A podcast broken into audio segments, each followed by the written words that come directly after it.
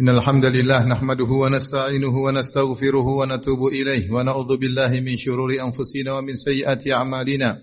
من يهده الله فلا مضل له ومن يضلل فلا هادي له. أشهد أن لا إله إلا الله وحده لا شريك له وأشهد أن محمدا عبده ورسوله لا نبي بعده. يا أيها الذين آمنوا اتقوا الله حق تقاته ولا تموتن إلا وأنتم مسلمون. فإن أصدق الحديث كتاب الله وخير الهدى هدى محمد صلى الله عليه وسلم وشر الأمور محدثاتها وكل محدثة بدعة وكل بدعة ضلالة وكل ضلالة في النار معاشر المسلمين أوصيكم ونفسي بتقوى الله فقد فاز المتقون Sungguhnya para nabi dan rasul adalah manusia-manusia pilihan Allah Subhanahu wa taala. Allah berfirman, "Allahu yastafi minal malaikati rusulan wa minan nas." Sungguhnya Allah telah memilih di kalangan para malaikat untuk menjadi utusan-utusan Allah dan Allah telah memilih di antara manusia ada yang menjadi rasul-rasul Allah Subhanahu wa taala. Allahu a'lamu haitsu yaj'alu risalatah. Allah lebih tahu di mana dia letakkan risalahnya, siapa yang berhak menjadi rasulnya.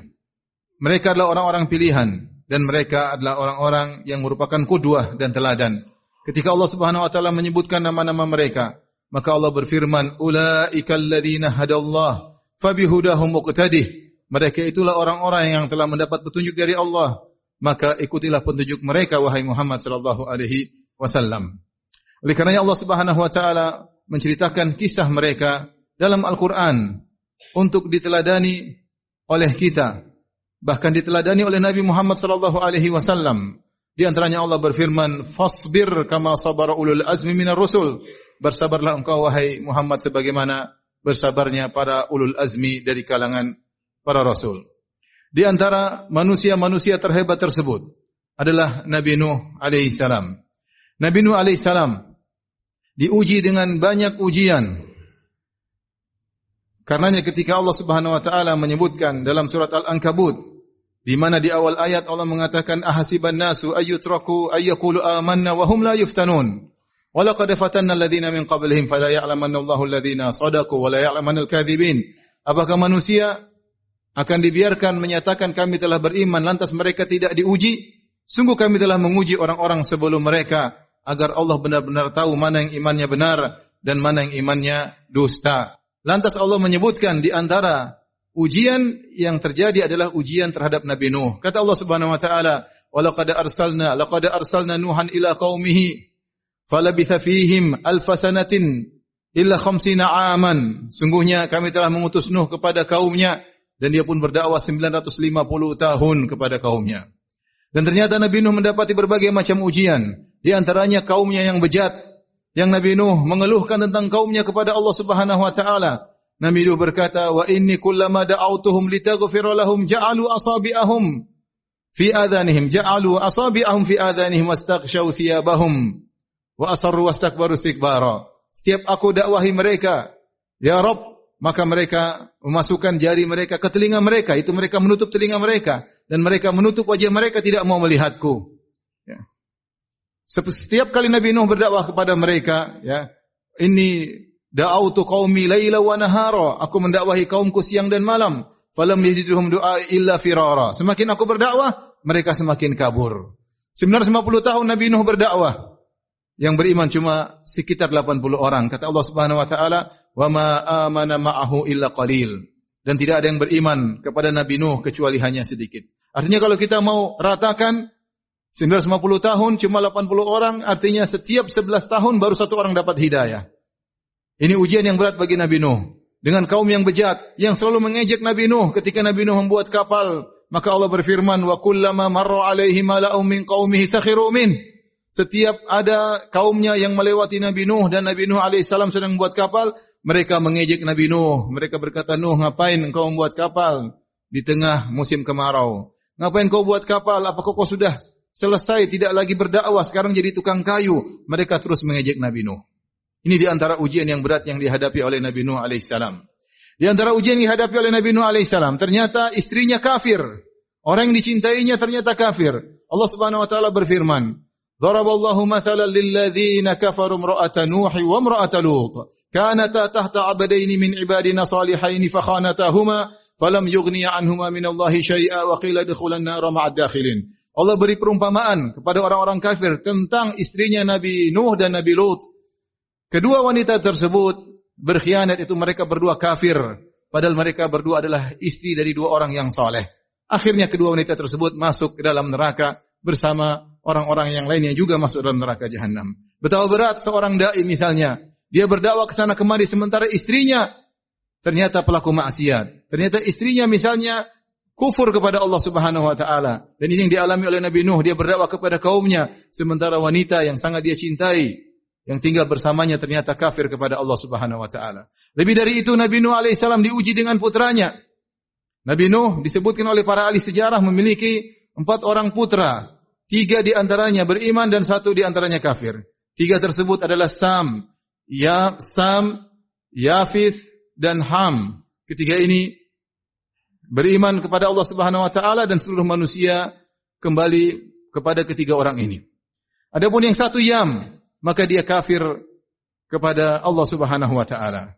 Dan Nabi Nuh mendakwahinya, ratusan tahun mendakwahinya, namun dia tidak beriman kepada Allah Subhanahu wa taala sampai di akhir hayat ketika anaknya akan tewas Nabi Nuh tetap tetap mendakwahi sang putra. Allah berfirman ketika ombak sudah mulai keluar banjir mulai besar kata Allah Subhanahu wa taala ya fa fatahna abwaabam min fa fatahna abwaabas samaa'i bima'in munhamir wa fajjarna al-ardha uyunan faltaqal mau ala amrin qad qudir maka kami bukakan pintu-pintu langit maka turunlah hujan yang sangat deras. Kemudian kami jadikan bumi semuanya sebagai mata air. Sampai kata Allah, hatta idha faratan nur. Sampai dapur yang harusnya keluar api, malah keluar air ketika itu. Air memenuhi bumi. Dan Nabi Nuh dan kaumnya yang beriman pun naik di atas kapal. Kata Nabi Nuh AS, rkabu fiha bismillahi majriha wa mursaha. Inna rabbi la rahim. Naiklah kalian di atas kapal dengan mengucapkan bismillah dengan ketika berlabuhnya kapal maupun bersandarnya kapal. Kapal tersebut kapal yang sangat sederhana. Kata Allah Subhanahu wa taala, "Wa hamalnahu ala dzati alwahin wa dusur." Kami angkut Nabi Nuh bersama kaumnya di atas kapal yang terbuat dari papan-papan dengan paku-paku. Kapal yang sangat sederhana. Tetapi ombak ketika itu sangat dahsyat. Kata Allah Subhanahu wa taala, "Wa hiya tajri bihim fi maujin kal jibal." Maka kapal tersebut ya mengangkut mereka berlabuh di atas ombak yang sangat besar sampai kata Allah ombak tersebut seperti gunung. Tiba-tiba Allah mentakdirkan Nabi Nuh melihat putranya yang sedang berenang. Wa nada Nuhan ibnahu wa kana fi ma'zili ya bunayya irkam ma'ana. Maka Nabi Nuh tidak putus asa. Buah hatinya yang sangat dia cintai, maka dia panggil wahai putraku, kemarilah naik di atas kapal. Wala takum ma'al kafirin. Jangan kau ikut bersama orang-orang kafir. Nabi Nuh tidak murka, tidak mengatakan dasar anak bejat, dasar anak kurang ajar. Tetapi dia tetap manggil wahai putraku ya bunayya wahai putraku kemarilah. Anaknya ngeyel dengan berkata qala sa'awi ila jabali ya'simuni minal ma. Aku akan pergi ke puncak gunung yang menyelamatkan aku dari ombak yang besar ini dari banjir yang besar ini. Nabi Nuh mengingatkan kembali, qala la asimal yauma min amrillah illa man rahim. Tidak ada yang bisa selamat kecuali yang dirahmati oleh Allah Subhanahu wa taala. Nabi terus Nabi Nuh alaihi salam terus merayunya, Tiba-tiba ada ombak yang misalkan mereka berdua. Wahala bainahumal mawju fakana minal mughraqin. Akhirnya anaknya pun tenggelam. Lihatlah Nabi Nuh diuji dengan orang-orang yang dia cintai. Sebagaimana juga nabi-nabi yang lain juga diuji dengan orang-orang yang dia cintai. Seperti Nabi Ibrahim alaihissalam diuji dengan kafirnya bapaknya. Nabi Muhammad SAW diuji dengan kafirnya pamannya Abu Lahab dan juga kafirnya orang yang sangat dicintai Abu Talib yang selalu membelanya ternyata meninggal dalam kondisi kafir sehingga Nabi SAW sangat bersedih. Nabi Lut diuji dengan istrinya yang kafir dan Nabi Nuh AS diuji dengan istrinya dan anaknya yang kafir.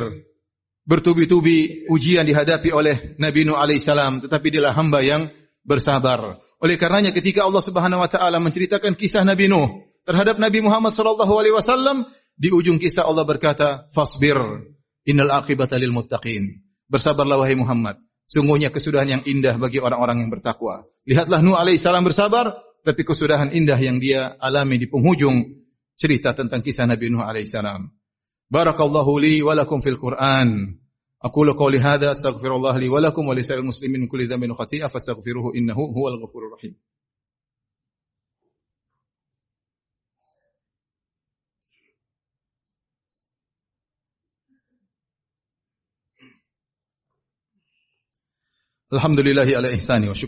Taufiqihi wa amtinani wa asyhadu an la ilaha illallah wahdahu la syarika lahu ta'ziman li sya'ni wa asyhadu anna Muhammadan abduhu wa rasuluhu da'ila ridwani. Allahumma salli alaihi wa ala alihi wa ashabihi wa ikhwani. Yang menakjubkan ma'asyiral muslimin. Allah menamakan Nabi Nuh dengan hamba yang pandai bersyukur. Seandainya Allah menamakan Nabi Nuh dengan hamba yang pandai bersabar, tentu kita paham. Tetapi ternyata Allah menamakan Nabi Nuh dengan hamba yang pandai bersyukur. Dalam surat Bani Israel atau surat Al-Isra, Allah berfirman, "Dzurriyyatan man hamalna ma'anu innahu kana 'abdan syakura." Yaitu keturunan dari orang-orang yang kami angkut di atas kapalnya Nabi Nuh, sungguhnya adalah hamba yang pandai bersyukur. Dan nama ini terus abadi sampai pada hari kiamat kelak, tatkala manusia dibangkitkan di padang mahsyar dengan jarak matahari satu mil, keringat bercucuran, mereka menanti kedatangan Rabbul Alamin untuk memulai persidangan tapi Allah tidak datang-datang juga. Maka orang-orang pun datang meminta pertolongan kepada orang-orang mulia. Di antaranya mereka datang kepada Nabi Nuh alaihissalam. Kemudian manusia berkata kepada Nabi Nuh, "Ya Nuh, anta awalur rusuli ila ahli al-ardi." Wahai Nuh, engkau adalah rasul yang pertama yang Allah utus kepada penghuni bumi. Wasammakallahu abdan syakura. Dan Allah menamakan engkau dengan hamba yang pandai bersyukur. Amma tara ma nahnu fih, tidakkah kau lihat bagaimana kondisi kami?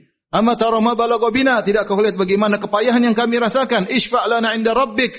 Berilah syafaat bagi kami di sisi Allah. Intinya pada hari tersebut manusia menyatakan wasammakallahu abdan syakura. Allah menamakan engkau dengan hamba yang pandai bersyukur. Menakjubkan di tengah-tengah ujian yang begitu berat ratusan tahun ternyata Nabi Nuh bukan orang yang suka mengeluh bahkan dia suka bersyukur kepada Allah Subhanahu wa taala. Para ahli tafsir menyebutkan kenapa Nabi Nuh disebut hamba yang pandai bersyukur. Nabi Nuh selalu memuji Allah Subhanahu wa taala. Jika dia makan, maka dia memuji Allah. Dia berkata seandainya Allah menghendaki aku lapar, aku akan jadi lapar. Jika dia minum, dia memuji Allah. Dia mengatakan seandainya Allah menjadikan aku menghendaki aku untuk haus, aku akan haus. Jika dia pakai sendal, dia memuji Allah Subhanahu wa taala. Dia berkata, seandainya Allah berkehendak aku bertelanjang kaki, tentu aku tidak punya sendal. Ketika dia pakai pakaian, dia memuji Allah. Dia mengatakan, seandainya Allah subhanahu wa ta'ala menghendaki aku telanjang badan, aku akan telanjang badan.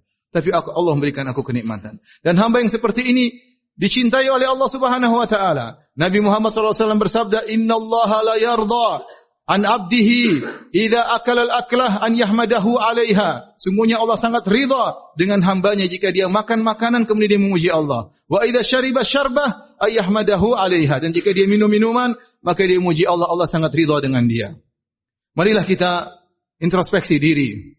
Betapa banyak orang-orang yang hanya melihat kepada sisi-sisi negatif. Tidak melihat pada sisi positif. Selalu melihat kepada kesulitan yang dia hadapi, tidak melihat kepada banyak kenikmatan yang dia rasakan. Itulah sifat manusia kata Allah Subhanahu wa taala, "Innal insana li rabbih lakanud." Sungguhnya manusia itu suka berkeluh kesah. Kata Hasan Al-Basri, "Yadhkurul masa'ib wa yansa ni'am." Yaitu suka ingat-ingat musibah yang dia alami dan dia lupa dengan kenikmatan-kenikmatan yang dia rasakan. Ada seorang mengeluh tentang musibah yang dia hadapi, tentang kesedihan yang dia rasakan. Maka dia mengeluh kepada gurunya, lantas sang guru memberikan dua cari kertas kepada sang murid. Isi satu kertas dengan kesedihan yang kau rasakan. Dan isi pula satu kertas list data-data kenikmatan yang kau dapatkan. Maka dia pun mulai menulis kesulitan yang dia hadapi. Ternyata cuma sedikit. Tidak keluar dari sepuluh jari. Ketika dia melis, nikmat yang dia rasakan terlalu banyak. Nikmat pandangan, nikmat pendengaran, nikmat kesehatan, nikmat keluarga, nikmat punya orang tua, nikmat punya kakak adik, nikmat bertetangga. Nikmat terlalu banyak. Sehingga seorang kalau melihat pada pada poin-poin yang negatif dia tidak akan pernah bersyukur kepada Allah Subhanahu wa taala. Lihatlah Nabi Ayub alaihissalam ketika diuji dengan ujian yang sangat berat.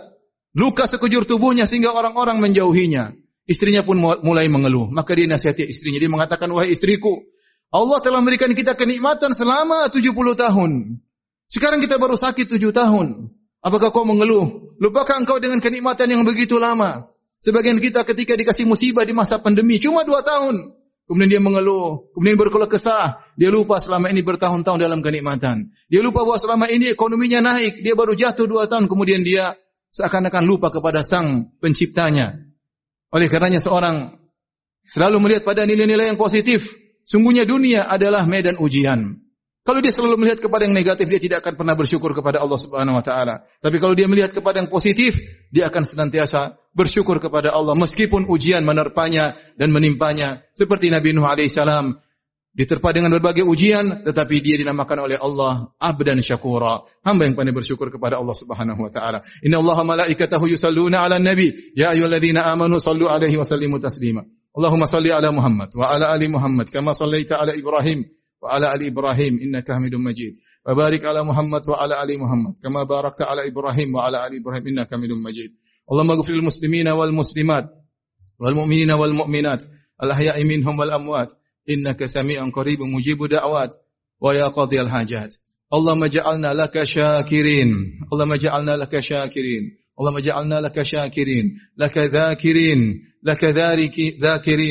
لك ذاكرين. ربنا آتنا في الدنيا حسنة وفي الآخرة حسنة وقنا عذاب النار وأقيموا الصلاة.